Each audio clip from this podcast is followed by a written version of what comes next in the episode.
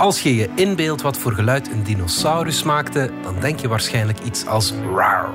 Maar dat is helemaal verkeerd. Verder hebben we het over de resultaten van de Digimeter, over de vissengriep en over oplichters die aan de slag gaan met generatieve AI.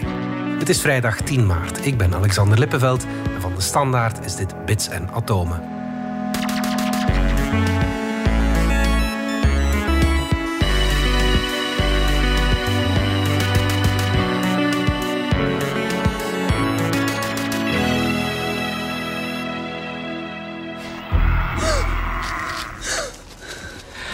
Pieter van Doren, wetenschapsjournalist en Dominique Dekmijn, technologiejournalist. Pieter, als mijn zoontje van 2,5 een dino nadoet, dan doet hij... Maar dat is helemaal fout. Dat is totaal fout. Dat, dat was een leeuw. Ja.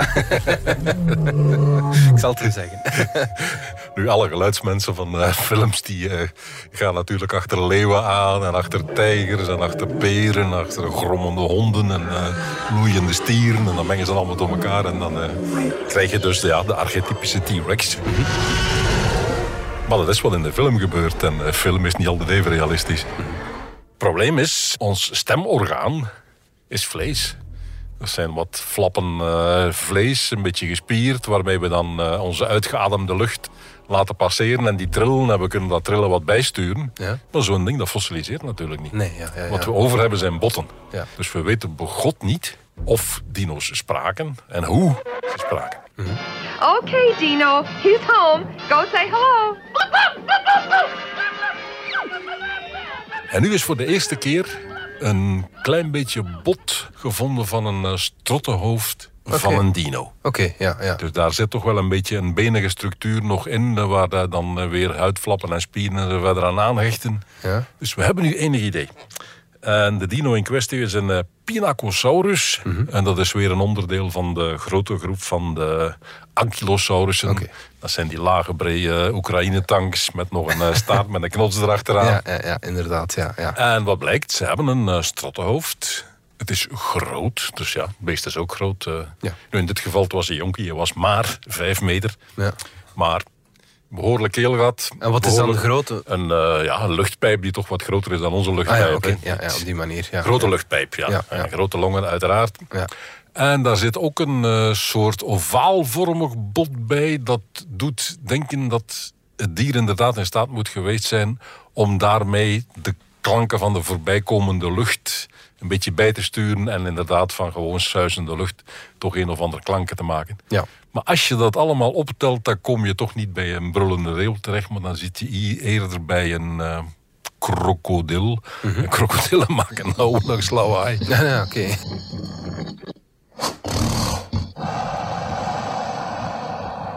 Een krokodil en een uh, een of andere grote loopvogel. Van brullen moet zeker geen sprake geweest zijn. Het is eerder een luchtstoot die een beetje, waar een beetje klank aan toegevoegd is. Ja.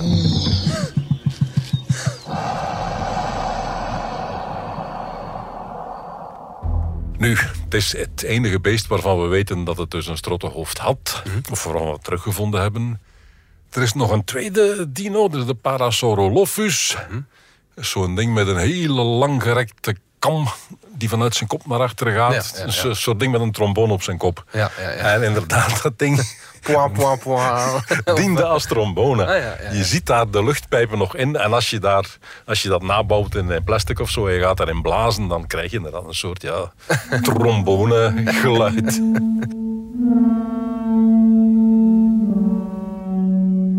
En wat we ook weten, de theropoden, de grote groep waar T-Rex ook bij behoort, de tweepotige, -hmm. zeg maar. Daar hebben we wel het binnenoor van teruggevonden en de gehoorbeentjes. Mm -hmm. Wij hebben in ons binnenoor drie beentjes. Wacht, ze hebben Slakken, dus, uh, stijgbeugel, ja. aanbeeld en hamer. Een hamer, ja, ja, ja. Nu, die dino's hadden enkel de stijgbeugel. Ja, oké. Okay. Wat betekende dat ze eigenlijk alleen heel laag geluid konden horen. Geluid dat wij infrageluid zouden noemen. Een geluid dat wij niet eens horen. Ah, ja, dus echt hele, hele, hele, hele lage frequenties. Zo net onder jouw stem. Uh, nou, nog een heel eind onder mijn stem. ja, ja. Um, en voor ons zou het een beetje klinken als uh, ja, een beetje gefluister. Ah, ja. Al de rest zouden wij niet eens horen. Dus waarschijnlijk T-Rex moet... Uh, ik neem aan dreigend, maar toch wel alleen maar gefluisterd hebben. Ja, ja, ja oké. Oké, goed. Interessant. Pinacosaurus. Saurus. Saurus. Dan gaan we naar de digimeter.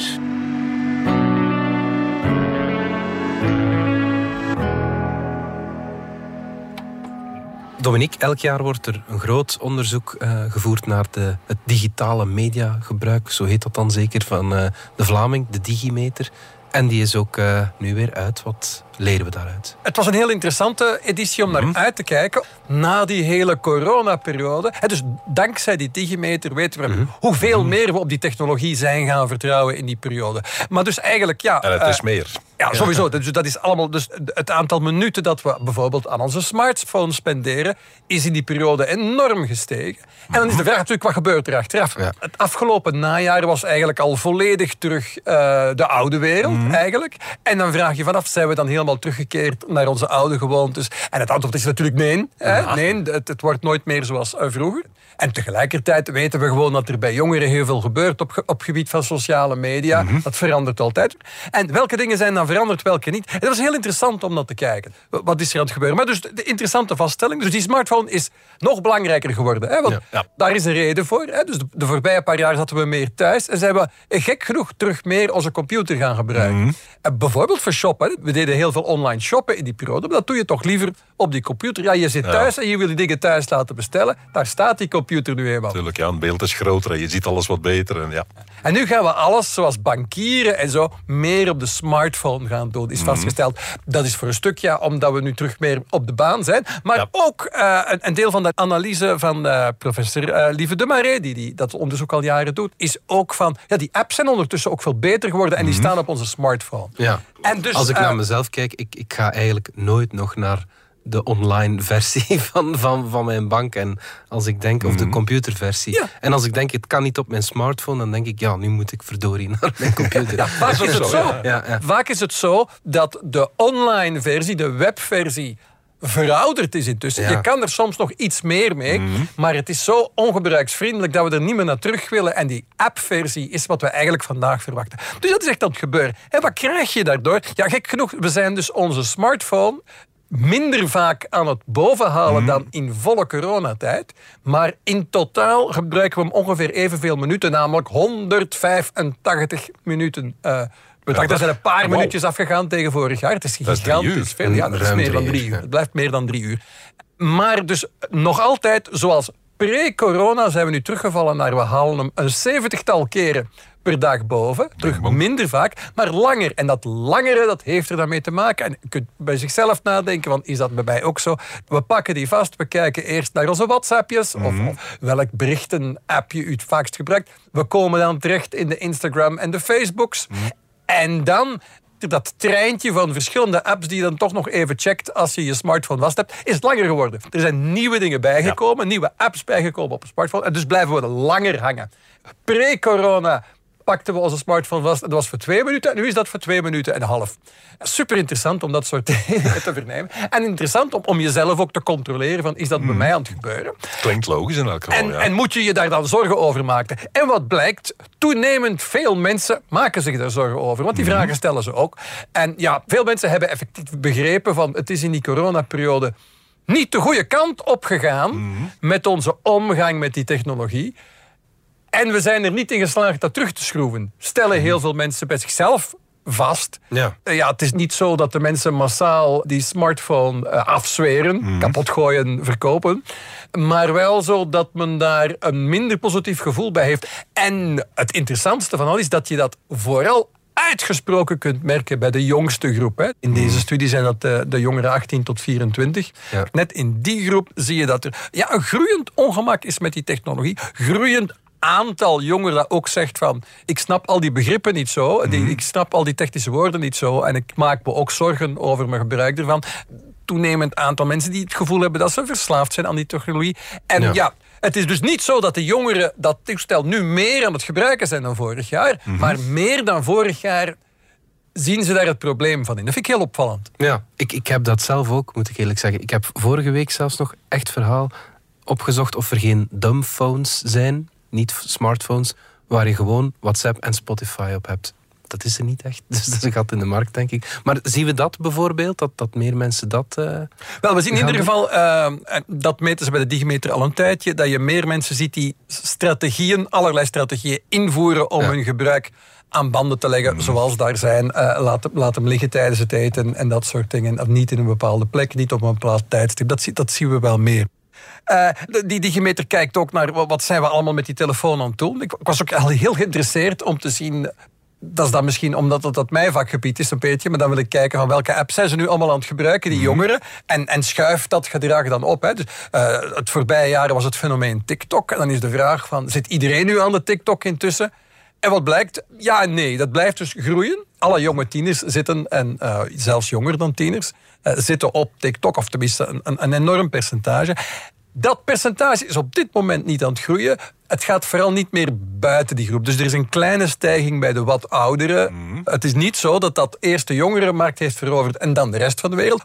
Op de totale Vlaamse bevolking is maar 16% eh, TikTok-gebruik en dat is hetzelfde gebleven. Dus het TikTok-gebruik uh, is eigenlijk aan het stagneren. Mm exact hetzelfde wat we ook met Snapchat hebben gezien. Mhm. Snapchat, dat uh, ook, ook zo'n typische jongere-app is die trouwens een beetje achteruit gaat dit jaar. Uh, ook Twitter gaat trouwens bij de jongeren achteruit. Trouwens bij iedereen achteruit.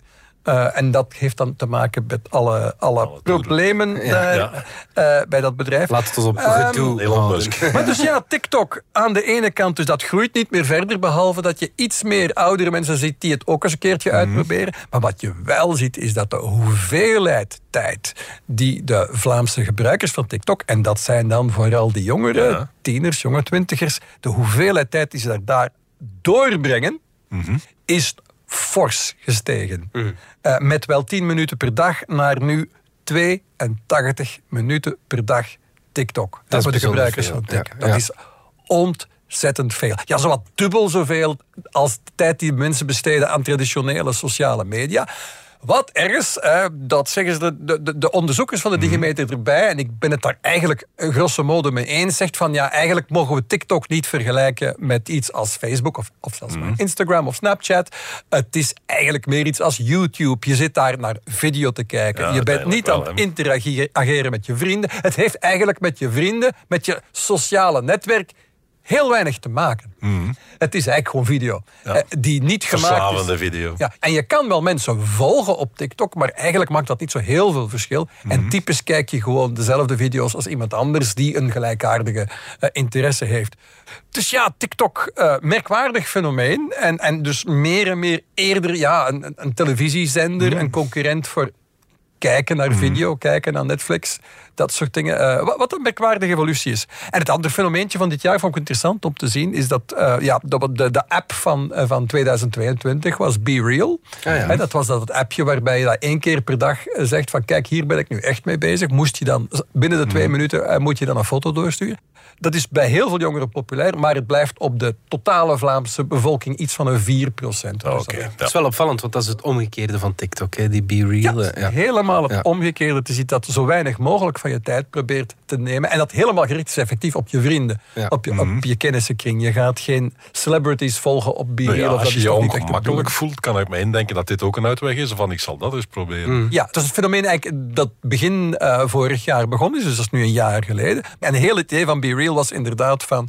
We moeten weg van dat hele Instagram-achtige, kunstmatige mhm. en enorm tijdrovende. En we gaan één keer per dag uh, een foto maken van uh, wat we echt aan het doen zijn. En dat delen we met onze echte vrienden. Hm. Ja. Tot slot, luistert de Vlaming ook meer naar podcasts, Dominique? Absoluut. Voilà. en dat wilden we eigenlijk inderdaad ook weten. Hoe zit het met die podcast? Ja, ik, ik ben uiterst verrast. Hè. Dus, dus sowieso in die, in die coronaperiode hebben heel veel mensen podcasts ontdekt. Mhm. Waarop ik dan zeg, beter laat dan nooit, zeg ik dan. hè, want ik begon mijn eerste podcast te beluisteren in 2005, 2006. ja, uh, ja dat, dat is, als ik toch iedereen eraan mag herinneren, het is een medium dat ondertussen bijna 20 jaar oud is. Mhm. Maar voor de meeste mensen is het toch super nieuw en je had er voor corona nooit van gehoord. Maar dus het, uh, het opvallende is dat toch meer dan een vijfde, bijna een kwart van de mensen, 22% van de Vlamingen, luistert minstens maandelijks naar een podcast. En dat hoeft niet altijd bits en atomen te zijn.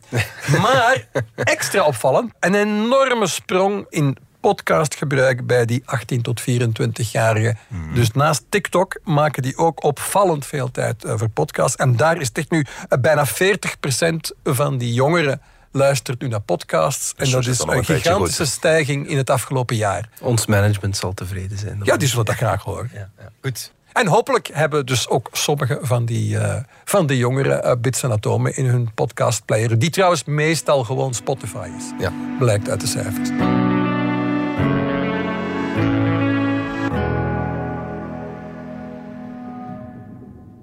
Pieter, begin deze week eh, brachten we een DS Vandaag aflevering over de vogelgriep. Maar er is ook iets als de vissengriep. Ja. Oké.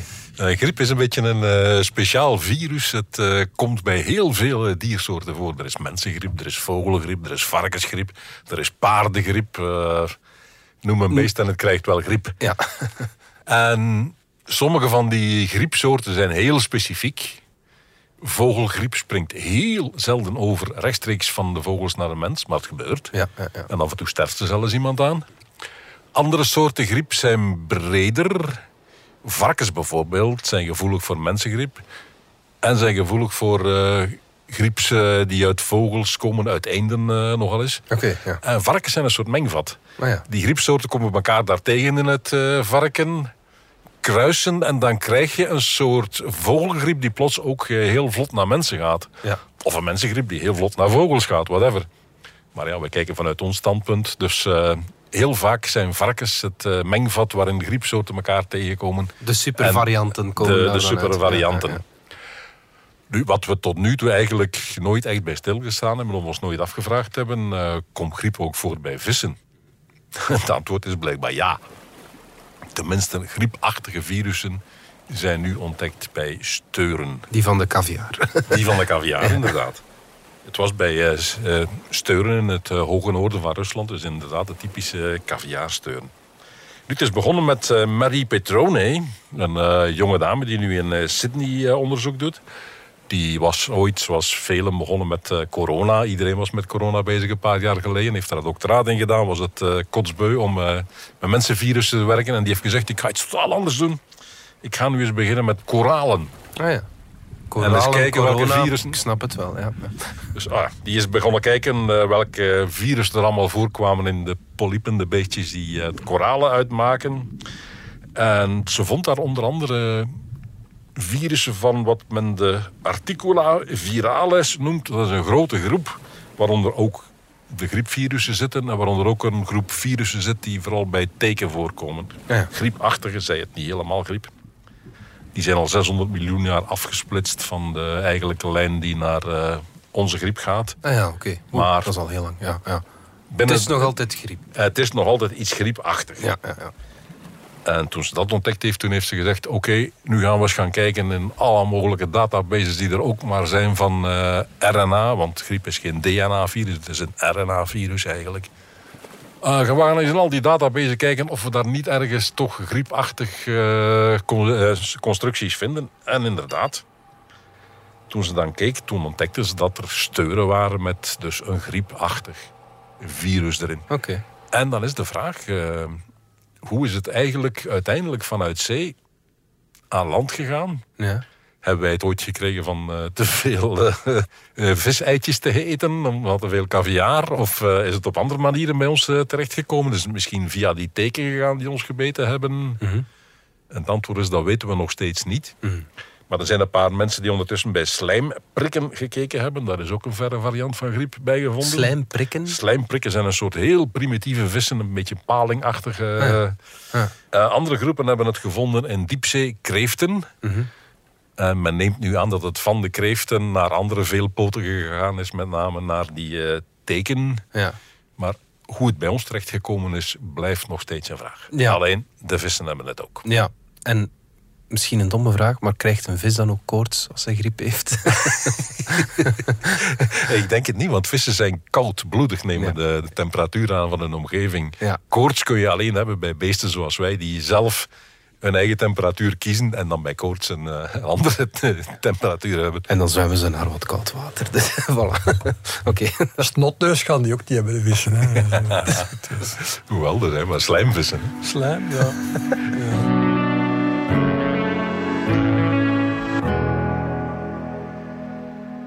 Dominique, we hebben het al vaak over uh, generatieve artificiële intelligentie gehad de laatste weken en maanden.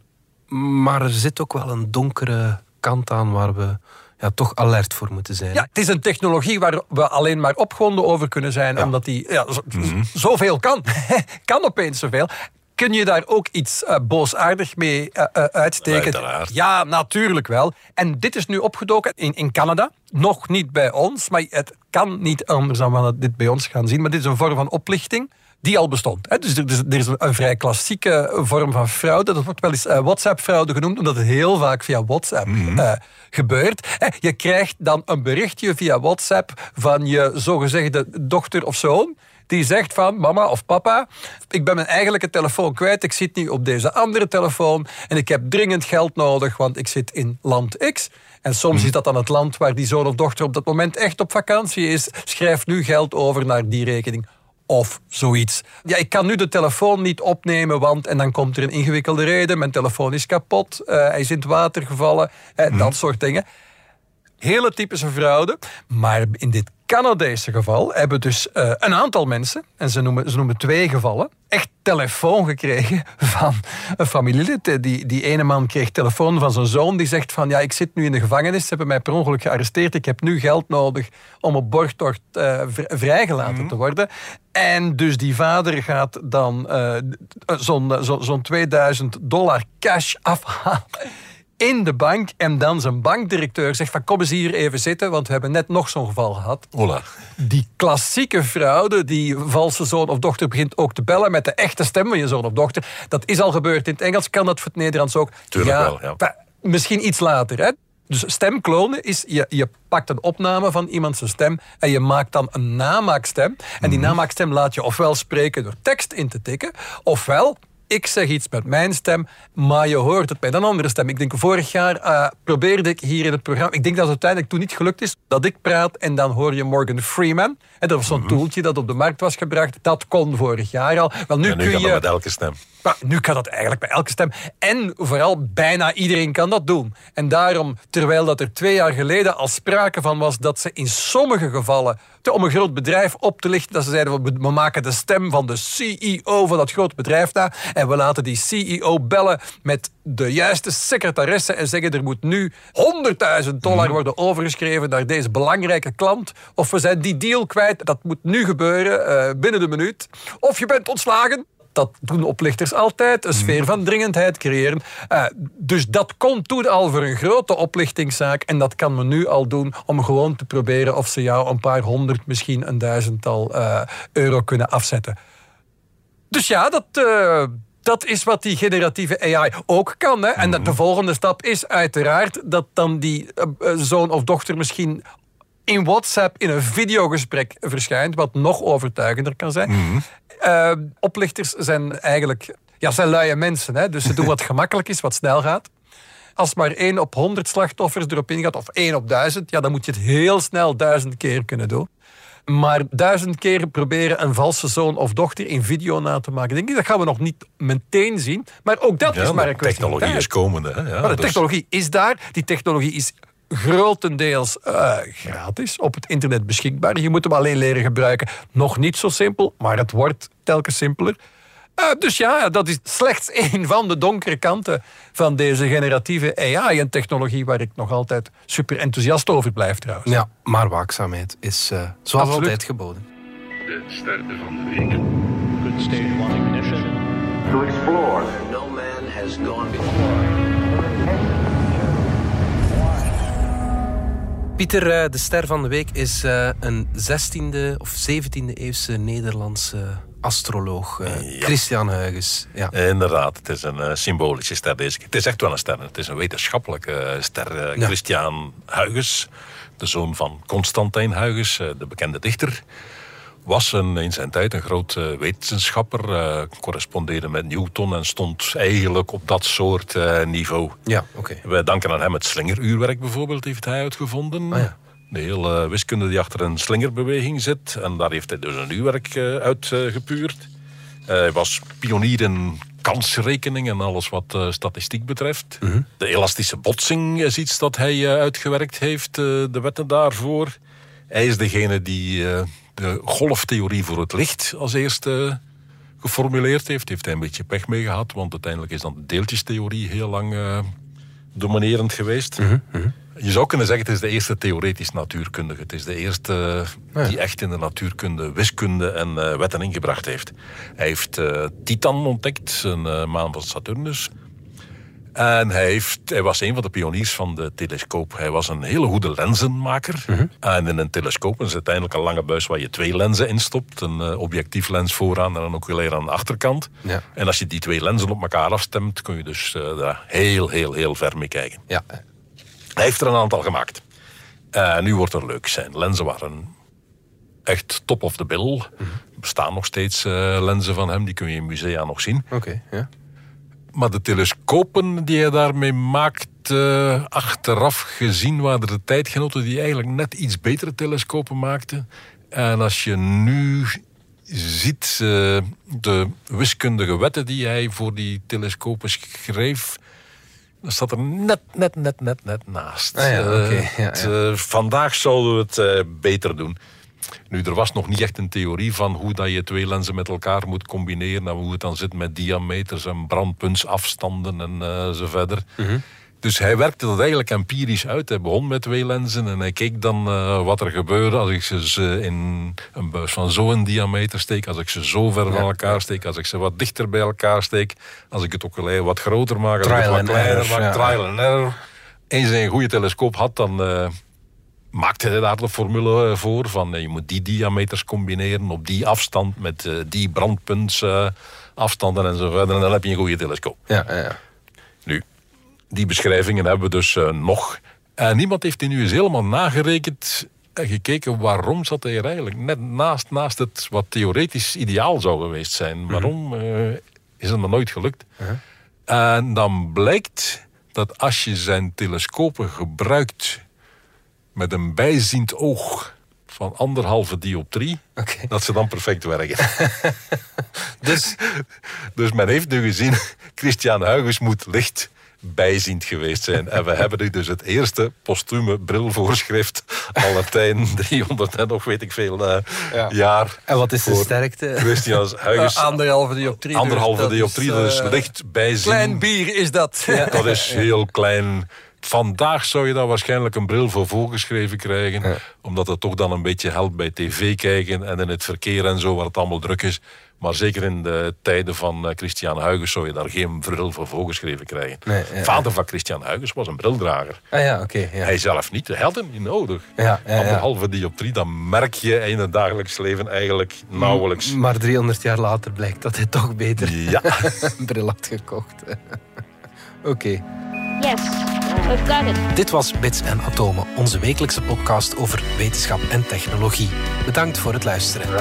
Alle credits van de podcast die je net hoorde vind je op standaard.be-podcast. Reageren kan via podcast.standaard.be.